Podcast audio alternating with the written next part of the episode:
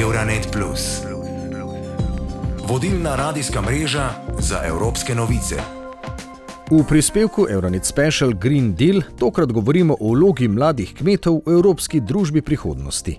Kako vidijo svoje mesto v evropski družbi, kakšna je povezava med lokalnim in ekološkim kmetovanjem, ter kako naj bi izgledalo evropsko kmetijstvo prihodnosti. Kljub start-up spodbudam in investicijam ter sredstvi za zagon kmetij, se mladi bolj redko odločajo za kmetovanje. To ni samo slovenski problem, je tudi evropski problem. Kmetijstvo je namreč zapleten gospodarski proces, saj gre za tovarno na prostem in veliko je odvisno od kmetovega znanja ter sposobnosti in marljivosti. Tudi vreme in klimatske razmere igrajo svojo vlogo. Ali kot še izpostavlja predsednik Kmetijsko-gozdarske zbornice Roman Žveglič, produkti, proizvodi so slabo plačani. Uh, globalizacija je tukaj svoje naredila uh, in se seveda svetovni globalni playerji, če lahko tako rečem, igravci, pač vzamejo veliko, veliko tega svojega deleža ne? in se zato se seveda kmetje ne odločajo za, ali pa sploh mladi za kmetovanje.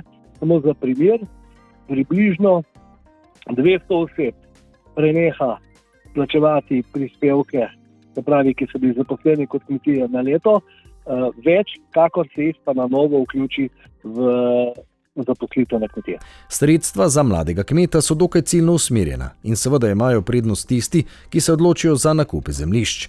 Na nek način gre za zanimiv evropski pojav, saj miselnost nekaterih potencialnih mladih kmetov izpostavlja predsednik Kmetijsko-gozdarske zbornice Roman Žveglič. Lažje in boljše in lepše se da živeti v drugih poklicah kot v kmetijstvu. Zdaj, prepričati, um, prepričati um, je težko. Eh? Um, najlažje je seveda to, um, s tem, da je bi bil tak um, poklic cenjen, um, spoštovan, um, nezaničevan. Ne? Sicer več ni tako, kot je bilo vem, 40 let nazaj, ko sem še jaz obiskoval um, osnovno šolo, ko sem učitelji govorili le uči, če ne boš mogel biti kmet. Večina mladih kmetov so visoko strokovno izobraženi na kmetijskega področja, uh, upoštevajo znanje iz uh, domače znanje. Delajo prenos znanja iz tujin, tudi hodijo na prakso v tujine. Tudi ekološko kmetijstvo je veliko bolj zahtevno kot konvencionalno kmetijstvo, saj zahteva še veliko več znanja, veliko več truda. A kot opozarja Roman Žveglič. Eh, na koncu pa seveda to znanje in ta trud skozi produkt ni dovolj plačano. Zato je seveda tudi uh, manj uh, kmetij se za to odloča ustvarjajo se nove tehnologije, precizno kmetovanje, pametno kmetovanje. Slovensko kmetijstvo je eno najbolj trajnostnih v Evropski uniji in se moramo res zahvaliti, da lahko pijemo še skoraj vse povsod ali pa vse povsod. Danes je pri ekološkem kmetovanju, ki se ga poslužuje veliko mladih kmetov, zelo veliko administrativnega dela. Prisotni pa so tudi drugačni pristopi pri sami pridelavi in predelavi, je prepričan tudi Žan Bric, mladi prevzemnik iz Vogrskega, ki ob tem dodaja: Inovativnejši pristopi, da se olajšamo delo, kar se da. Kar se da mehanizacije, eh, imajo problem delovna sila, tako da tle probujemo, kar se da eh, strojno, eh, kar teren dopušča. Mi pa kvarimo z vinogradništvom in imamo te rasirane vinograde, tako da tam smo malo omejeni s strojnimi deli, ampak poskušamo, kar se da opraviti strojno, pri tem pa da ne trpi sama kakovost pridelka.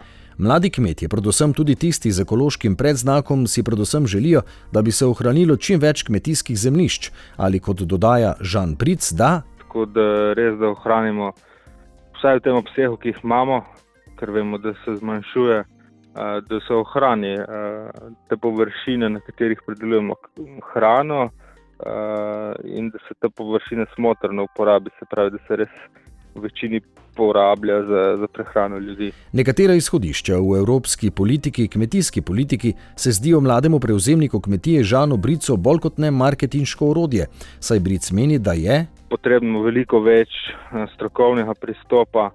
Eh, neka rentabilna uporaba vseh sredstev in uh, ta ekološki pristop nekje velja, da rabimo petkrat več površin, če hočemo prehraniti enako število ljudi, kar pa vemo, da smo s površinami omejeni.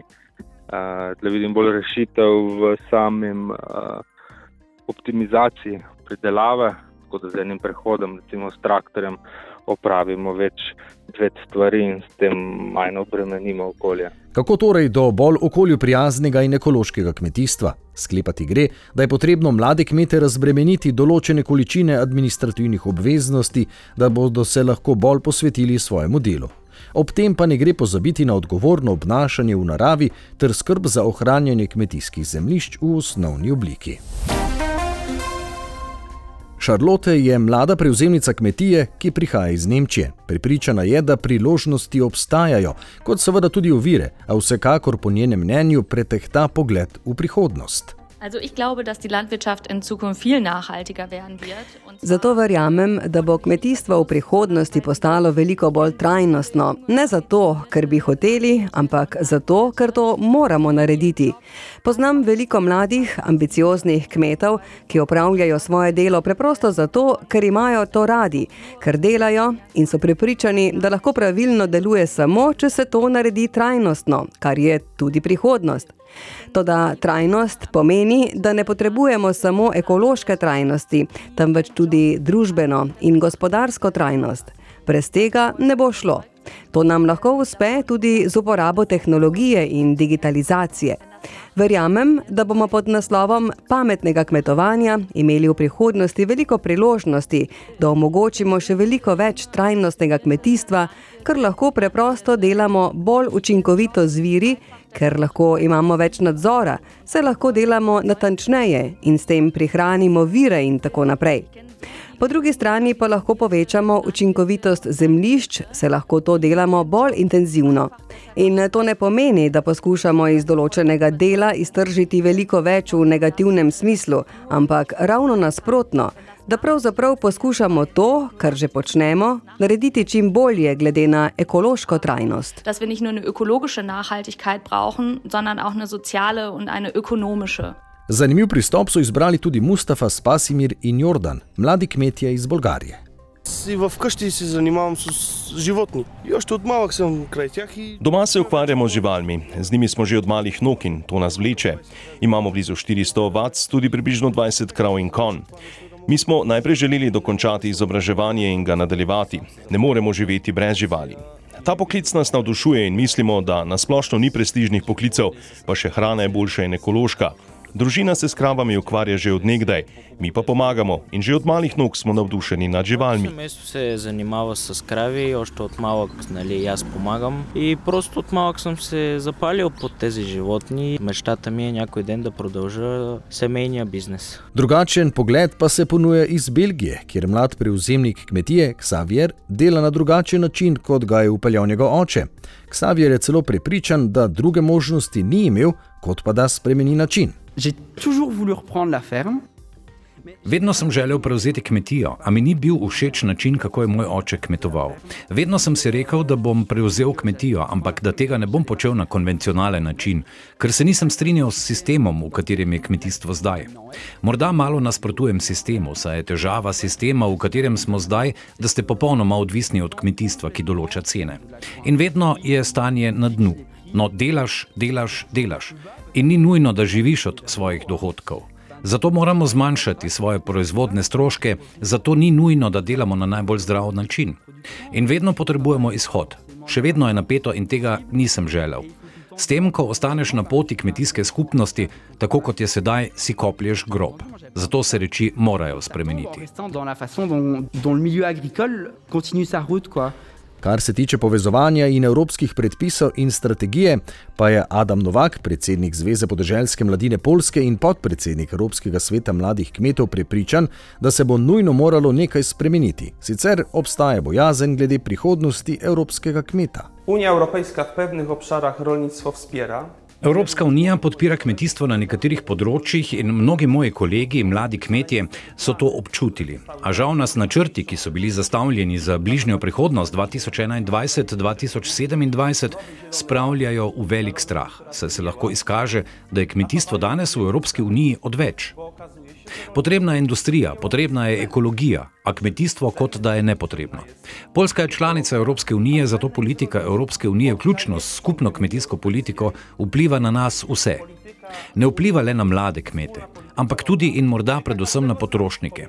In menim, da bi morali potrošniki, ki so v času koronavirusa videli pomen neodvisnosti od hrane, vseh hitrih, enostavnih in kratkih dobavnih verig, ki so se vzpostavile, prav zato staviti na svoje domače kmetijstvo. Če bi te spremembe, tako korenite spremembe, ki bodo usiljene predvsem kmetom, začele veljati, potem bi se na mestu potrošnikov začel spraševati, kaj bo, ko bodo kmetje propadli. In ne bo želje po prevzemu kmetij strani mlade generacije. Bo rolnici padną in ne będzie chęci do przejmowania gospodarstv przez młode pokolenie. Spoštovane in spoštovani, prihodnost je bila zmeraj negotova, a na kmetijskem področju je sodelovanje med človekom in naravo edina možnost za obstoj. Razmislimo vsi, kaj lahko naredimo zase, za svojo prehrano in za kmeta, ki jo pridela. Prihodnost evropskega mladega kmeta je lahko svetla in zelena, a pot je dolga. Oddaja Euronit Plus nastaja v okviru projekta Euronit Plus boljše razumevanje Evrope. Oddaja lahko poslušate tudi v obliki podcasta na spletnih straneh www.radioesi.eu. Euronet Plus za boljše razumevanje Evrope.